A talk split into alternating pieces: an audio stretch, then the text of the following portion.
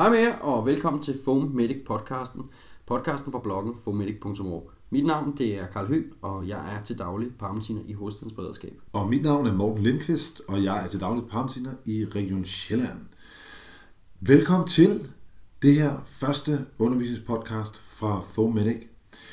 Det handler om stetoskopi, og det første nærliggende spørgsmål må være, Karl, hvorfor har vi kastet os over netop stetoskopi som det her første undervisningspodcast? Jamen altså, jeg tror i virkeligheden, man kan sige, podcastmediet er jo, altså, det er jo skabt til lyde, og i og med, at det vi gerne vil opfange, når vi bruger vores stetoskop, det er lyde. Derfor tænkte jeg, at det var meget nærliggende at starte, øh, starte med en stetoskopi-podcast. Derudover så mener jeg også personligt, at øh, et stetoskop er for mig et uvurderligt værktøj, jeg bruger i min vurdering af patienterne. Jeg tror, der er nogen, der synes, det, det er svært at bruge. Altså, måske ikke så meget det her med at bruge stetoskopet, men svært ved at vide, hvad er det, man skal lytte efter, og, og hvor skal man lytte, og ikke mindst, hvad skal man bruge den her information, altså de lyde, man hører, når man stetoskoperer, hvad skal man bruge dem til? Så tænker jeg, at det vil være en kærkommen lejlighed og mulighed til at, øh, at lære om de, de gængse lunge, lyde og bilyde, vi kan høre. Og så er der til den sidste del, som jeg synes også, vi to skal, skal gå ind og adressere i dag. Det er en meget, meget vigtig ting. ja, det er det her med stetoskopet, der, der er omgivet af en eller anden form for øh, mystik eller skorstræk jantelov. For der er jo en eller anden tendens til, at altså, de fleste har et stetoskop i dag. Men, men det er de færreste, der tør at tage det rundt om halsen. Og, øh, og det synes jeg faktisk, vi skal snakke lidt om i dag. Det er jeg enig med dig i. Stetoskopet og det at lytte på patienten er en del af den objektive undersøgelse. En objektiv undersøgelse af lovene, som består af flere ting. I den her podcast, Carl, der mm. holder vi øh, fokus på en af delene af den undersøgelse, og det er auskultationen, altså stetoskopering af lungerne. Øh, men en anden gang tror jeg, at det vil være nærliggende at, at dykke mere ned i den specifikke undersøgelse af, af lungerne, som, som har fire elementer. Mm. Men her i dag holder vi fokus på stetoskopering, altså auskultation. Og for at blive klogere på det her emne, har vi valgt at tage ud og interviewe en gæst, som øh, kan berige os med hans viden inden for specifikke lungelyde og stetoskopiens fantastiske verden. Yes, fordi det er faktisk en fantastisk verden, når man, når man har lært den lidt at kende. Så morgen skal vi ikke bare øh, pakke sammen, og så se at komme afsted? Jo, lad os, øh, lad os komme på, på gaden.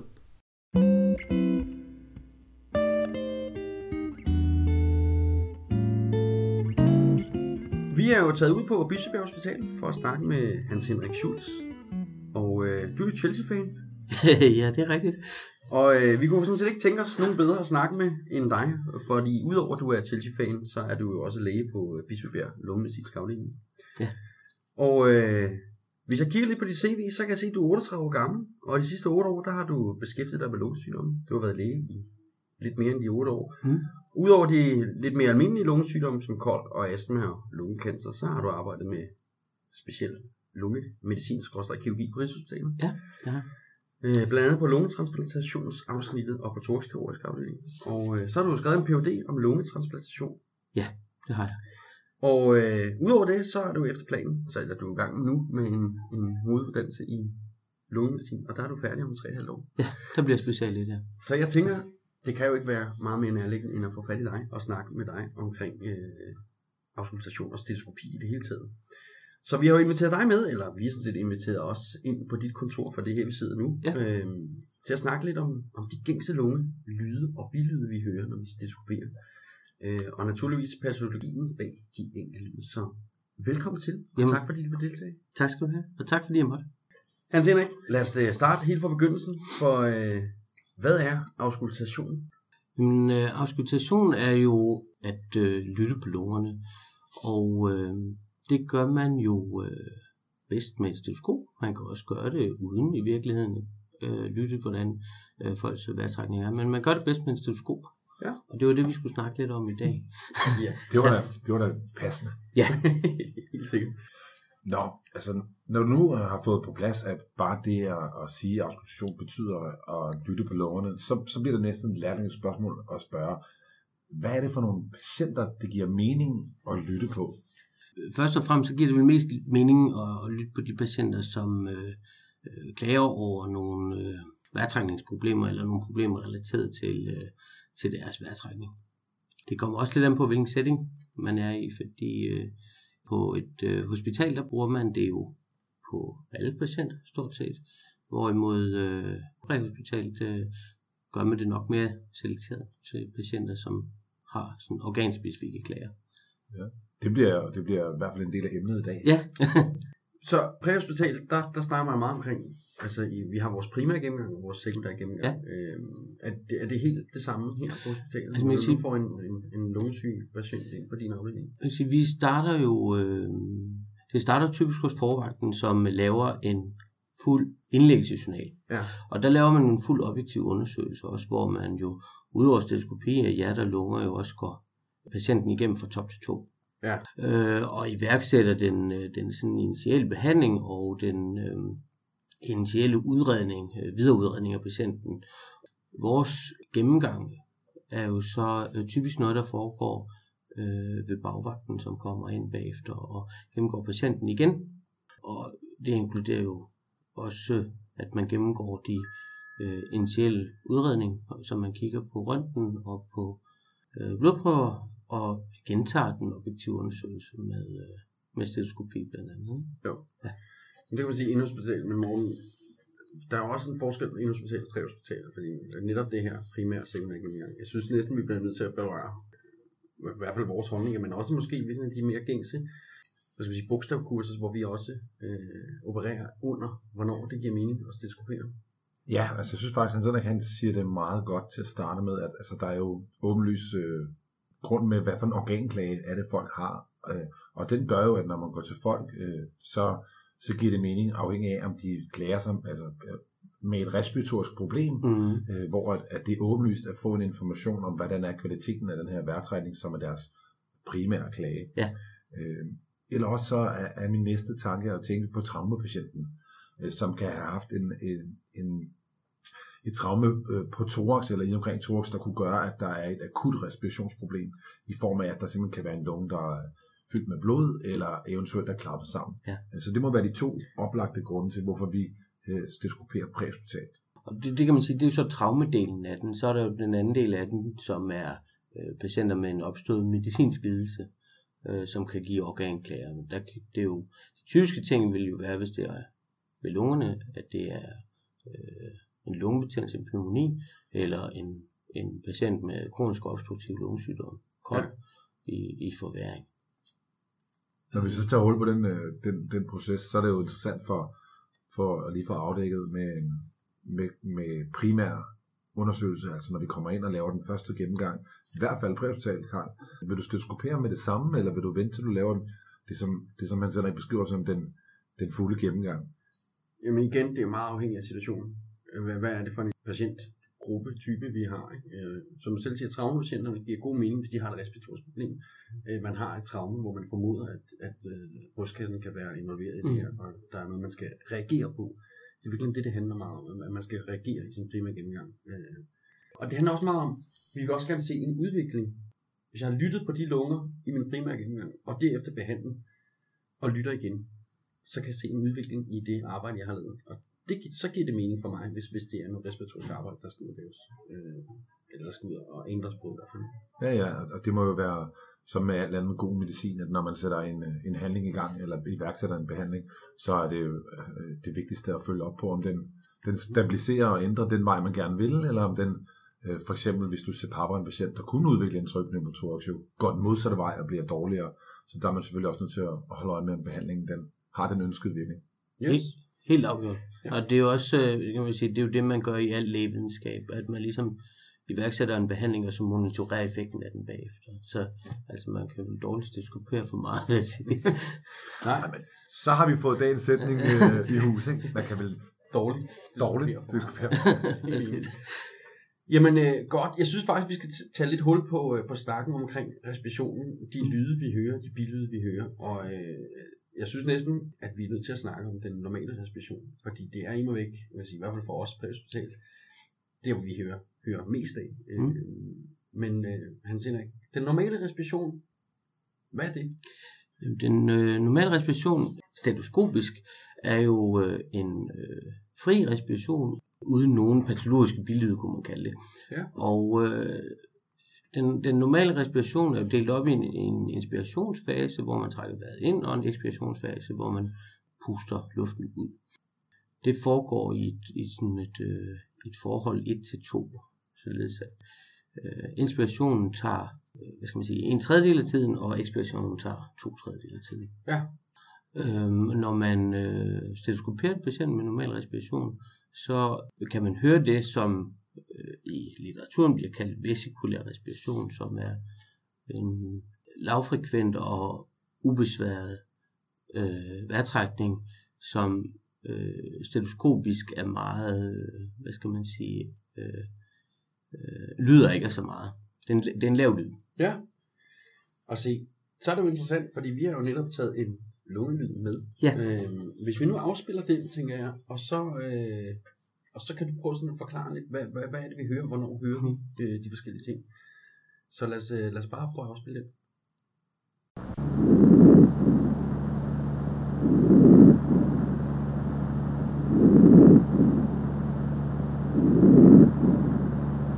Det var en øh, respiration, vi hørte her, hvor man kan høre, at øh, forholdet mellem inspiration og ekspirationsfasen øh, er cirka de her 1-2, og øh, at øh, man har en lavfrekvent lyd, som er forstærket lidt på det her klip, som man kan høre det, og som øh, øh, forsvinder i slutningen af ekspirationen. Mm. Den vil vi gerne høre øh, hos vores patienter. Ja. Ja. Det er i hvert fald den, vi, vi, vi, vi helst vil høre, kan man sige. Ja. Når så man skal ud og lytte på en, på en patient, landmærker, om man vil, for afslutation. Ja. Hvordan gør du det? Man kan sige, øh, sådan rent klassisk, øh, når man lytter på lungerne, som lungemediciner, eller intern mediciner, så vil man jo lytte på patientens øh, ryg. Og øh, når man øh, går frem med sin lungestereoskopi, så plejer jeg at starte øh, apikalt og øh, lytte bilateralt, det vil sige lytte først på den ene side og den anden side for at se, om der er et galt luftskifte, øh, om luftskiftet er ens på begge sider. Mm. Og så bevæger jeg mig basalt, således at jeg nok får en 3-4 stetoskopier på hver side, ja. afhængig af hvor stor patienten er. Og så øh, lytter jeg også øh, til sidst lateralt øh, basalt på patienten. Ja, under, altså under armhulen. Ja. ja. ja. Altså, jeg, når, jeg, når jeg lytter, så øh, vil jeg jo gerne finde ud af, om øh, der er nogle ting ved stetoskopien, der indikerer, at patienten har en pneumoni, eller om øh, der skulle være væskeudtrækning, det kunne være blod eller pløverefusion, som gør, at øh, der er forskel på de to lunger. Øhm, og så vil jeg også gerne øh, være sikker på, at øh, forholdet mellem inspiration og ekspiration er, er normalt. Men hvis vi husker, at der er de her, anatomisk set, er de her fem lapper, Mm. øhm, er der så nogen, øh, er der, så- altså, skal man gøre fem punkter på hver side, eller hvordan kan man ligesom sikre sig, at man har fået, fået garanteret, at der er skifte på alle fem? Man kan sige, hvis man starter apikalt, så kan man jo høre på, øh, på overlapperne der. Og øh, jo længere øh, basalt man kommer, så kommer man ned og kunne lytte på, på øh, underlapperne. Øh, mellemlappen, som er i, kun til stede på højre lunge, den kan jo godt være lidt svær at lytte på på bagfladen. Øh, så der må man ud lateralt eller faktisk foran på patienten. Når det er sagt, så vil jeg sige, at øh, der er jo mange lyde, som kan høres, hvad skal man sige, globalt på lungerne. Og øh, det er jo kun tilstanden, hvor der er patologi i en lap, hvor at man skal igennem alle lapperne, kan man sige. Du vil ikke bruge for eksempel at lytte øh, på sådan en bronkiring eller på, op på trakea eller noget? Jo, det, øh, det bruger jeg også. Øh, der kan man sige, det kommer lidt an på, hvad det er, man lytter efter. Men, øh, men jeg synes faktisk... Hvorfor det giver mening at lytte på eksempel? det vil nok primært give mening hos folk med inspiratoristriter, øh, og, eller med mistanker om, øh, om skader eller sygdomme i trakea. Ja. Og det, det er jo relativt sjældent sammenlignet i hvert fald med øh, patienter, der har skader eller sygdomme i lungerne. Trakea fungerer som sådan en, en megafon, en trakt, øh, som til at netop forstærke lyden. Ja.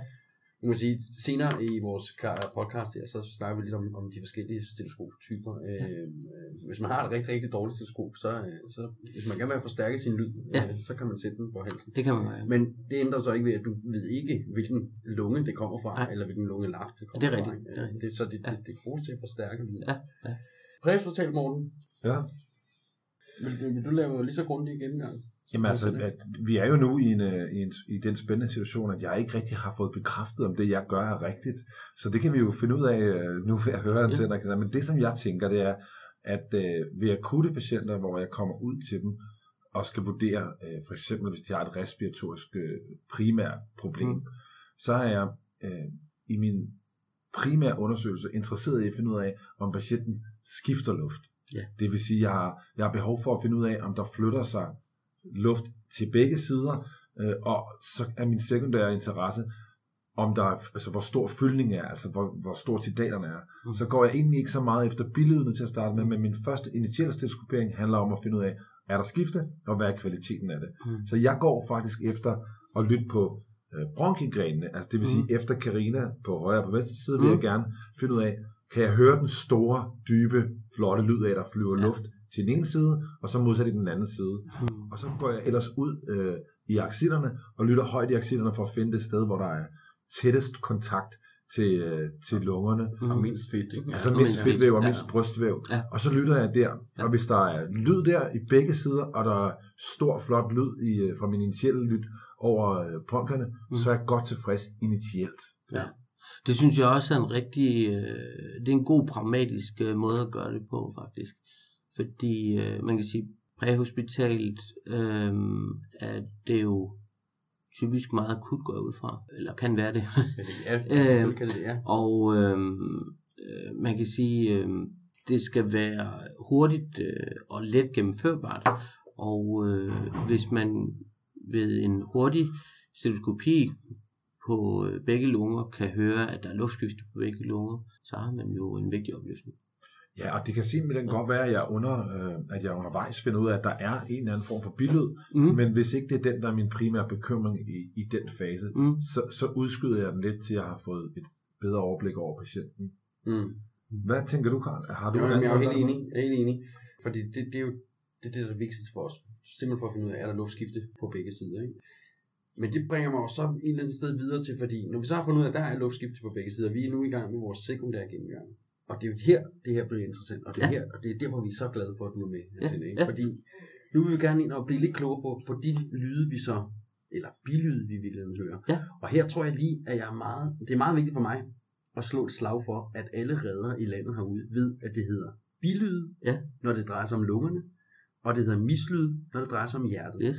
Øh, man ikke siger, jeg hører ingen mislyd på lungerne. Nej. Øh, nej, det gør du ikke, for dem hører du på hjertet. Præcis. Så, så bare, så, så det er lige slået fast. Ja. Så jeg tænker nu, at vi prøver sådan at afspille de her mest gængse lunge bilyde Mhm. øh, for dig. Og øh, kom, du, det bliver fedt, hvis du gider komme med dine kommentarer til, hvad, hvad er det, vi hører? For Mhm. det første, øh, hvornår i respirationscyklusen hører vi bilyden? Mm-hmm. Den her patologi, der ligger bag, og hvad er det for en patienttype, vi oftest hører de her bilyde? Ja. Er du med på den? Ja, lad os gøre det. Så lad os, øh, lad os starte med øh, billede nummer et, som er Ronki.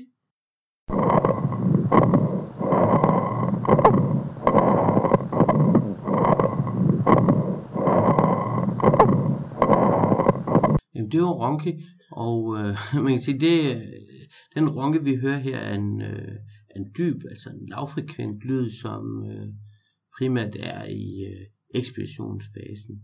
Det vil være en lyd, man øh, typisk hører ved patienter, der har øh, problemer i deres øh, bronkier, og øh, det kan være slim eller slimhindehævelse, øh, og som derfor øh, får øh, problemer med deres luftskifte. Øh, en patient med ronkit, det kunne være en øh, patient med kold Mm. og kronisk bronkit, og det kunne også være en patient med øh, slimdannelse, som øh, følger af en øh, pneumoni. Ja. Altså, jeg har altid et eller andet sted hørt, at, at, at hvis man hører den her lyd her, og beder patienten om at hoste, Ja. Så, så er det som om, altså, så, så, så øh, går lyden i sig selv, når Ja. ja. så, så, så får man hostet det slim så op, som nogle gange så Ja. selv. Ja. Er, det, er det, Det, det er rigtigt, at, øh, at de fleste ronki, de kan forsvinde efter, at man rømmer sig eller, eller hoster. Ja. Øhm, der er nogen desværre, der ikke har hostekraft nok til at få det hele væk, og så vil det jo fortsat øh, være noget til, til stede. Men Ja. i hvert fald kunne det jo mindskes, hvis man bad patienten om at hoste. Jeg synes, det er en vigtig pointe, du kommer med til sidst her, det er, at, øh, at man jo ikke endegyldigt må, må, må klassificere det som ronkelej, hvis det går væk, men at det ændrer en eller anden form for karakter. Altså, Mm. at man kan høre, der er noget sekret, eller der er Mm. noget, der har Ja. flyttet sig, og derved får vi nu et andet toneleje Ja. i den øh, lyd, Ja, vi hører. ja, Øh, ja, det ændrer ikke ved, at der stadigvæk er en eller anden underliggende sygdom, som har gjort, Nej. at man har, øh, har over hele. Præcis. Ja. Ja, så lad os øh, tage lyd nummer to, som er rallen eller krepitation.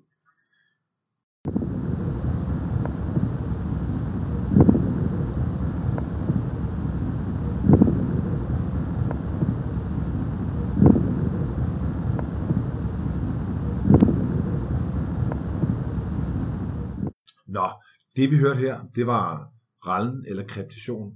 Eller hvordan er det, Hans Henrik? Er der forskel på de to øh, navne, skråstreg lyde?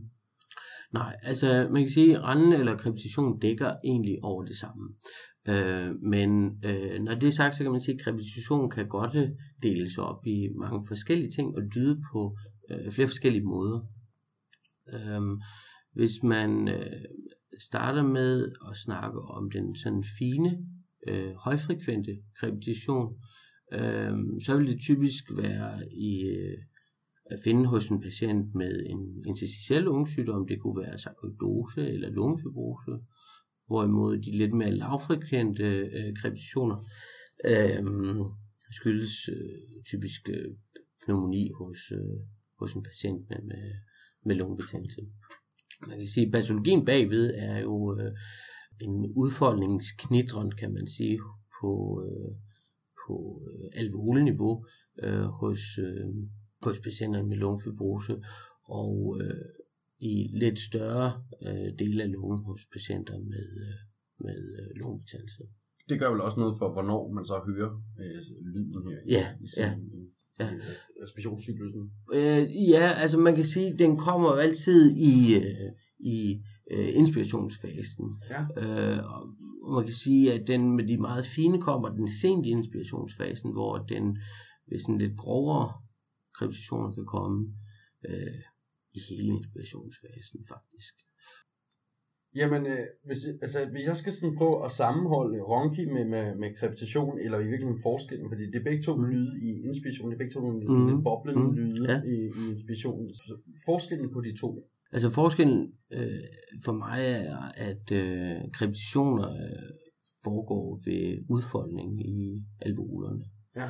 øh, hvor at øh, ronki øh, primært skyldes øh, problemer i de lidt, med, de lidt større luftveje øh, centrale skyldes øh, slim eller ødemdannelse i slimhænderne der. Ja. Så mangler jeg stadigvæk, øh, tror jeg, i min mentale ting, det der svar på, hvor ligger lungeødemet henne her? Ja, øh, det er et skide godt spørgsmål, morgen, fordi lungeødem er øh, for mange øh, meget svært at differentiere i forhold til øh, andre ting. Øhm, lungeødem kan også lyde på mange forskellige måder faktisk, men vil jo typisk øh, på grund af øh, ødemtendens og ødemtendens i hele lungen jo give et, øh, et øh, billede, som lød bronki med krepitationer faktisk. Heldigvis så har vi jo også andre ting, vi kan bruge, når vi skal diagnostisere lungeødem. Øh, blandt andet også blodtrykket, som gør det lidt nemmere. Ved du hvad, så synes jeg, vi skal gå videre til den næste lungelyd. Det er væsen. Det er en af mine yndlingslyde, Ja. kan man sige, som lungebetjener. Ja. Jamen, øh, vi spiller den.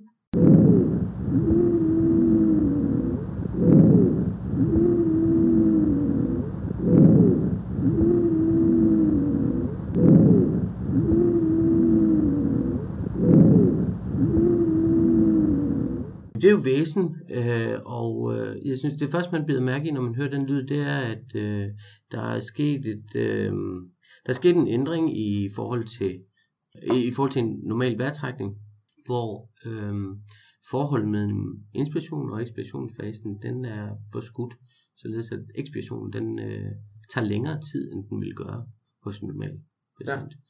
Øh, så, Hvordan er vi så? Altså, før var det 1 til 2, der var det normalt. Ja, nu det er jo lidt svært lige, En det til er, en. men 1 til, ja, 1 til 3 eller 1 til 4 i virkeligheden, Okay. også, hvor øh, øh, ved den her patient var det nok 1 til 3, hvor at ekspirationsfasen den er forlænget, Okay. og der er ligesom i ekspirationen af den her væsende, eller pivende bilyd. Ja. Og øh, det helt klassiske øh, sted, eller den helt klassiske patient at høre det på, det er jo øh, øh, hos patienter og patienter med øh, forværing af deres astma. Så, øh, så, så bliver jeg lige nødt til at høre, fordi vi hører tit, øh, Morten og jeg, når vi øh, både underviser alle de alle mulige forskellige steder og, og blandt kollegaer, Ja. at når man så hører en, der steleskopperer og siger, patienten lyder bronkospastisk. Ja. Er det så det, han hører her? Det er så det, han hører her, ja. Altså væsen? Væsen og forlænget ekspir, eller forlænget ekspirationsfase, ja. ja. Men der kan vel også være altså, mere end, end bare væsen? Jo, det kan der sagtens jo. Altså typisk vil det være udløst af en, af en pneumoni, så det vil komme sammen med nogle krepitationer eller nogle ronki. Ikke? Okay. Og så, øh, men hvis man ligesom sådan holder det lidt adskilt, så, så er væsen jo den her, det kan være et fløjt eller en, en pivende vejrtrækning i ekspirationsfasen. Og ja. ekspirationsfasen er forlænget, Okay. kan man sige. Men det du fisker efter, Karl, hvis jeg skal prøve at, at, at, at sidde herovre og ja. Være detektiv, det, det tror jeg den her med, at når, når bronkierne de trækker sig sammen, så er de jo bronkospastiske, men Ja. det kan man vel ikke høre? Altså, Nej, nej. Det man hører er vel Nu- resultatet af bronkospasmen. Det er rigtigt. Nu er jeg med på, hvad du spørger om, Karen. Fordi det, det, der, hvor lyden stammer fra, den stammer jo fra en forsnævring i luftvejene. Og det er fordi, at øh, den muskulatur, der er omkring øh, bronkierne, den glatte muskulatur, der er omkring bronkierne, den ligesom er, øh, der er øget tonus, eller de er spændt øh, ekstra hårdt, om man vil, og så øh, bliver øh, lumen i luftvejene mindre. Og så er det det, man kan høre, når man stilleskoperer. Ja, og det- det kan jo godt at vi skal præcisere det i virkeligheden. Altså, det er, jo, det er jo sådan set luft, der bevæger sig. Ja, Det er det, vi hører, Lige præcis. når det er, vi, vi steleskopperer. Ja, Øh, og den skaber jo en turbulens. Lige præcis. Fordi at der er mindre plads, når man er bronkospastisk. Ja. ja. Og det kan man sige, øh, her er det jo også oplagt at øh, måle på øh, sin initielle behandling øh, på den her patient, fordi man vil jo så typisk give noget øh, medicin, der fik den muskulatur omkring bronkierne til at slappe af. Ja. Og så øh, kan man jo øh, høre effekten af sin behandling ved at stetoskopere igen bagefter. Men Henrik, så har jeg et, sådan lidt et, et, et spørgsmål, som jeg tror, vores faggruppe kan lære en del af. Mm. Øh, men det er, at øh, vi har ikke altid den store baggrundsviden bag, øh, hvorfor alting lyder, som det gør, og hvad forskellen kan være på de her små øh, detaljegrader, du snakker om. Mm. Så når jeg for eksempel skal overlevere til dig på en afdeling, eller jeg skal dokumentere efterfølgende, er det så vigtigt, at jeg kan sige, det var ronki, eller det var kreptation, eller har du et andet alternativ øh, for, hvordan man kan formidle det, så man ikke øh, råder sig ud i en, i en forkert valg her? Ja, jeg synes, øh, man skal prøve at øh, beskrive, hvad man har hørt. Hvis man ikke kan de øh, enkelte navne på det, så beskriv det med øh, egne ord på dansk, kan man sige.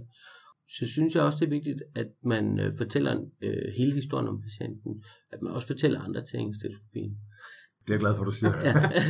men, men som sagt er det jo en, det er jo en supplerende information til det, til det fulde billede. ja, Jeg tror, det, er- det er vigtigt for, øh, for vores øh, fag, det her med, at man skal jo ikke, man skal ikke høre en podcast, og så gå ud, og så, så kan man kunne huske det hele på én gang. Men man, men man skal selvfølgelig stile efter at få de rette betegnelser på efterhånden. Ja. Men, men står man er i tvivl, bliver dygtig, er helt enig. efterhånden, øh, som, som man har hørt flere og flere øh, patienter med flere forskellige ting, så kan man selvfølgelig sætte de rette betegnelser på. Men vigtigheden i overleveringen af det fulde billede må Ja. være, at man har hørt noget, som er en billede, og det Mhm. bekymrer en. Ikke? ja. Jo. Øh, helt afgjort. Og så øh, øh, synes jeg jo også, det er rigtig rart, hvis man øh, øh, kan sige, at der har været forlænget ekspir, eller øh, der har været en våd respiration, som leder tankerne hen på et lungeødem, for eksempel. Ja. ja. Hans Henrik, øh, det var faktisk lidt om, om de øh, enkelte lyde, vi gerne vil snakke men Ja. når, når du sidder og beskriver dem her, så bruger du ord som lav- og højfrekvente lyde. Jeg kan også se, når jeg er inde på forskellige øh, hjemmesider og skal købe mig et nyt stetoskop, eller bare sidde og ose, så kan jeg se, at, at, at der står, at det her stetoskop er godt til de lavfrekvente, eller de højfrekvente, eller det her stetoskop kan det begge dele. Ja. Men jeg synes ikke rigtig, jeg kan finde ud af, finde nogen steder, hvilke lyde er hvad. Altså, hvad er en lavfrekvent lyd, og hvad er en højfrekvent lyd? Altså man kan sige, øh, lavfrekvente lyde er øh, jo øh, baslydene, som er hørbare på lang afstand, kan man sige. Hvor at, at de højfrekvente lyde er jo øh, de, de fine øh, diskantlyde, som øh, kan være lidt svære at høre. Har du et eksempel på, hvad, der, hvad for en lyd, der er en lavfrekvent, og hvad for en, der er en højfrekvent lyd? Man kan sige, at øh, væsene af vejrtrækning er typisk højfrekvente lyde, Ja. hvor at øh, ronki, og i hvert fald det, man kalder sonor ronki, er lavfrekvente lyde. Ja, så det er de, de dybere. De dybe lyde, ikke også? Hvis man kan sammenligne det lidt med øh, Grøn Koncert, så er det jo, når man øh, nærmer sig Valbyparken, så kan man høre øh, de dybe lyde først. Ja. Øh, man kan høre bassen, den kan man høre helt nede ved Valby station. Ja. Men man skal helt op på, ind på pladsen, før man kan høre de, de højfrekvente øh, diskantlyde. De er lidt mere skarpe. Ja, præcis, ja. ja. Se, nu jeg så snakker om, om, om stetoskoper og kunne lytte på de højfrekvente og lavfrekvente lyde, så er der jo øh, forskellige typer stetoskoper, Ja. vi, vi snakker om. Øh, Ja. Dem med klokke og dem med membran. Men hvad er forskellen på de to? Det vil sige, øh, øh, membranen bruger man jo typisk til de, øh, til de højfrekvente lyde, Ja. og, øh, og klokken til de øh, lavfrekvente lyde. Og dem, som så har kun har en side. Ja, der er en, en type af stetoskoper, som kun har en side, som har det, der hedder en, øh, en flydende membran, som øh, faktisk både kan øh, køre højere og lavfrekvente lyde. Okay. Det øh, øh, kan de øh, alt efter, hvor hårdt man øh, trykker dem ind på patienten. Har vi mere? Det tror jeg ikke. Vi har en vigtig pointe her Ja. til sidst. Ja, det har vi. Øh, vil du ikke introducere til det, Karl? Jo, Hans Henrik, jeg tror ikke, øh, vi kan vride meget mere ud af dig i dag. Øh, og så vi vil sige tusind tak, fordi at øh, du vil være med til at støtte op omkring phone-konceptet. Øh, og øh, Morten og jeg, vi har, øh, vi har opfundet noget nyt, Ja. som du sådan set øh, er blevet din første medlem af. Ja.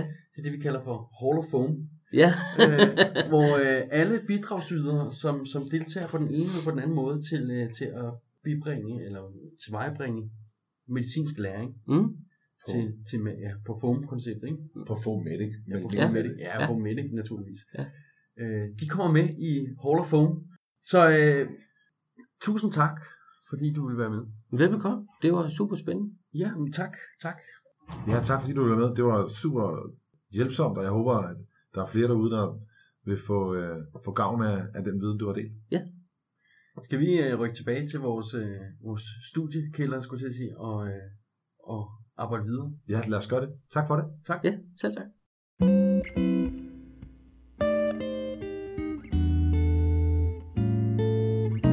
Så er vi kommet tilbage, Morten. Ja. Og øh, jeg synes faktisk, øh, et interessant spørgsmål, der har bygget sig op inde i mig, det er, hvem skal stetoskopere? Hvis det, hvis det står til dig, hvem, altså, er vi ude i elever, assistenter, paramediciner, eller er det for- forbeholdt det paramediciner, behandler, eller hvad, hvad, hvad er dine tanker?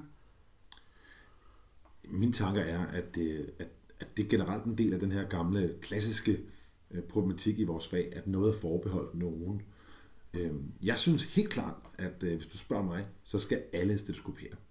Øh, det er jo en del af det at undersøge folk, og som vi også hørte øh, Hans Henrik snakke om, så er det jo øh, en del af det, forvagten laver, når han laver den generelle journaloptag. Og hvis vi nu forestiller os, at vi arbejder sammen, og du er ude og køre med mig, og du er assistent, og jeg beder dig om at lave en opgave, så har jeg jo brug for, at der er tillid mellem du og jeg til, at du også har de egenskaber, der skal til for at lytte på patienten. Så for mig er det ikke forbeholdt øh, hverken uddannelsesniveau eller, eller noget andet. Det er selvfølgelig forbeholdt, at man ved, hvad man laver, men det er ikke specifikt i forhold til, øh, til kompetence. Øhm, Men det kommer vel også, altså du, du, du ved jo også kun, hvad du laver, hvis du har lyttet på masser af lunger, altså, og det skal man jo starte med allerede tidligt. Ja, altså min, øh, min gamle mentor, øh, som, øh, som var ham, der øh, underviste mig og uddannede mig inden for de her emner, han sagde altid til mig, at der skal tusind raske lunger til, før man kan genkende en syg. Og hvis den filosofi, den, øh, den, skal, den, skal, den skal være rigtig, øh, så handler det jo om at komme i gang så hurtigt som muligt. Altså få lyttet på nogle lunger og få, få den her ind under vesten, så man kan genkende øh, de normale ting. Øh, fordi kun ved at genkende det normale, må man kunne, kunne finde ud af, hvad der afviger. Ja. Så, øh, så hvis det er rigtigt, så er det bare med at komme i gang. Og så selvfølgelig på de ture, hvor der er god tid, sammen med sin marker, sige, hører du det samme som mig? Eller, eller hvis du hører noget selv, så del det med dine kollegaer, hvis der, hvis der er tid og rum til det. Så, så hver dag bliver en form for kontinuerlig udviklingsproces. Ja, for det der er ingen tvivl om, det der er sindssygt god læring i. Øh, det. Men jeg har sådan, jeg har sådan en, en lille kæphest, jeg er nødt til at snakke om, og synes, vi skal snakke om. Det er lidt om den her forskrækkelse, som der er øh, over stetoskop. Der er noget nærmest, øh, hvad skal man sige, overnaturligt over, over det her stetoskop. Det virker lidt sådan, at vi ser lægerne valse rundt på hospitalsgangene med det her stetoskop rundt om halsen. Og om det er tegn på deres faglighed eller kunde, det skal jeg ikke kunne sige. Men jeg ved bare, at hvis jeg smider mit, og det har jeg prøvet her op til den her podcast i virkeligheden, jeg har, har prøvet at se, hvordan folk reagerer. Hvis jeg smider mit stetoskop om halsen, det var her, hvor jeg vokset op på hospital, så er der med statsgaranti en anden kollega, der vil kommentere min stetoskophalskæde med et, øh, er du læge, eller hvad så, Dr. Karl? Ikke? Jamen, det har jeg også hørt, så det er jeg enig med dig. Og, og jeg, jeg underviste på et hold behandler på Cames for et par måneder siden i en ABCD-gennemgang, øh, hvor stetoskopet jo sådan set også en del af, af gennemgangen. Og i den her forbindelse så spurgte klasse, jeg spurgte klassen, hvor mange af jer bærer stetoskopet om halsen. Hvorefter hele klassen selvfølgelig grinede og sagde, at det gjorde man jo bare ikke. Øh, og jeg tror desværre, det er den gængse holdning blandt vores kollegaer. Øh, men jeg har da sådan, som du siger her, eller som din mentor, mentor sagde, du skal høre på tusind raske lunger for at, at kunne kende en syg. Og hvis dit stetoskop er pakket væk i din jakkelomme, der hænger ude i førerkabinen, ja, så får du ikke brugt det, eller det ligger krøllet ned i din bukselomme, så er der både risiko, at man ikke får hedet det op, øh, for at man ikke får hedet det op, men også den her belastning, der er på at krølle det sammen, putte det ned i lommen og, og stetoskopet øh, hurtigt gå i stykker på den her måde. Der er altså bare ingen vej udenom. Du passer bedst på dit stetoskop for det første ved at have det rundt om halsen, som en teleslynge på en 90-årig, hvis det, hvis det er det. Øh, og du får det altså også kun brugt, hvis det er tilgængeligt. Og det må man bare sige, det er bare mere tilgængeligt, at der hænger rundt om halsen. Og så er det budskab vel også sendt afsted. Ja, det, det håber jeg. Eller... Jeg er helt enig med dig, Karl. Jeg synes, at det er, det er vigtigt at gøre op med, at, øh, at der ikke skal være nogen forskrækkelse ved det her. Jeg er helt enig med dig. Hvis jeg skal, skal komme med min indspark til, til, til det her opråb, så er det, at når man har brug for sit stetoskop, så har man brug for at bruge det i et længere forløb med en patient. Så hvis man tager det op og lægger det væk med det samme, fordi man er bange for, hvordan folk kigger på en, når man åbner bagdøren af ambulancen, ja. øhm, så betyder det også, at man ikke får lyttet på patienten, efter man har lavet en behandling. Og som han selv også sagde tidligere, så er det jo ligesom sådan, medicin fungerer. Ja. Vi laver et tiltag, og vi kontrollerer effekten af det tiltag. Ja, øh, effekten præcis. er bare svær at kontrollere i forlommen af jakken ude i førerkabinen. ja, det må man sige. Og for at summe det her podcast op i, øh, i noget, øh, der kan måske have en effekt derude, så, så vil jeg gerne øh, prøve at lave et lille forsøg med dig, Karl, øh, og mange af vores kollegaer. Ja. Jeg kunne godt tænke mig, at, øh, at I sammen med os øh, tager nogle billeder af jer selv Ja. på arbejde med jeres stetoskop i brug, eller eventuelt efter det har været i brug, øh, for ligesom at ikke at tage billeder af patienten. Men tag billeder af jer selv et sted på arbejde med stetoskopet rundt om halsen, og giver det et uh, hashtag stetoskophalskæden, det kan og godt. eventuelt også et hashtag FOMedic. Ja. Og så deler det på de sociale medier, sammen med dig og mig. Så vil øh, jeg gøre det samme. Og så øh, lad os se, om vi ikke kan få spredt budskabet øh, blandt kollegaerne, at vi skal altså have stetoskopet frem og rundt om halsen, så vi kan få stetoskophalskæde. Stetoskophalskæden. Hashtag stetoskop. Var det det, du sagde? Hashtag Så budskabet er, tag et billede af jer selv på arbejde, enten af jer eller sammen med en kollega, med jeres stetoskop øh, rundt om halsen. Giv det billede et hashtag stetoskophalskæden og et hashtag FOMedic. Jamen, jeg er med på den. Hvor var det fedt, Morten. Vi når ikke mere i dag. Det har også været en, en lang og god dag. Det var en fed dag. Jeg håber, I har fået noget ud af det. Vi har i hvert fald fået en masse ud af det. Så øh, tak fordi I øh, lyttede med. Jeg håber, at vi høres ved en anden gang. Mit navn det er Karl Høgh. Og mit navn er Morten Lindqvist. Vi høres ved.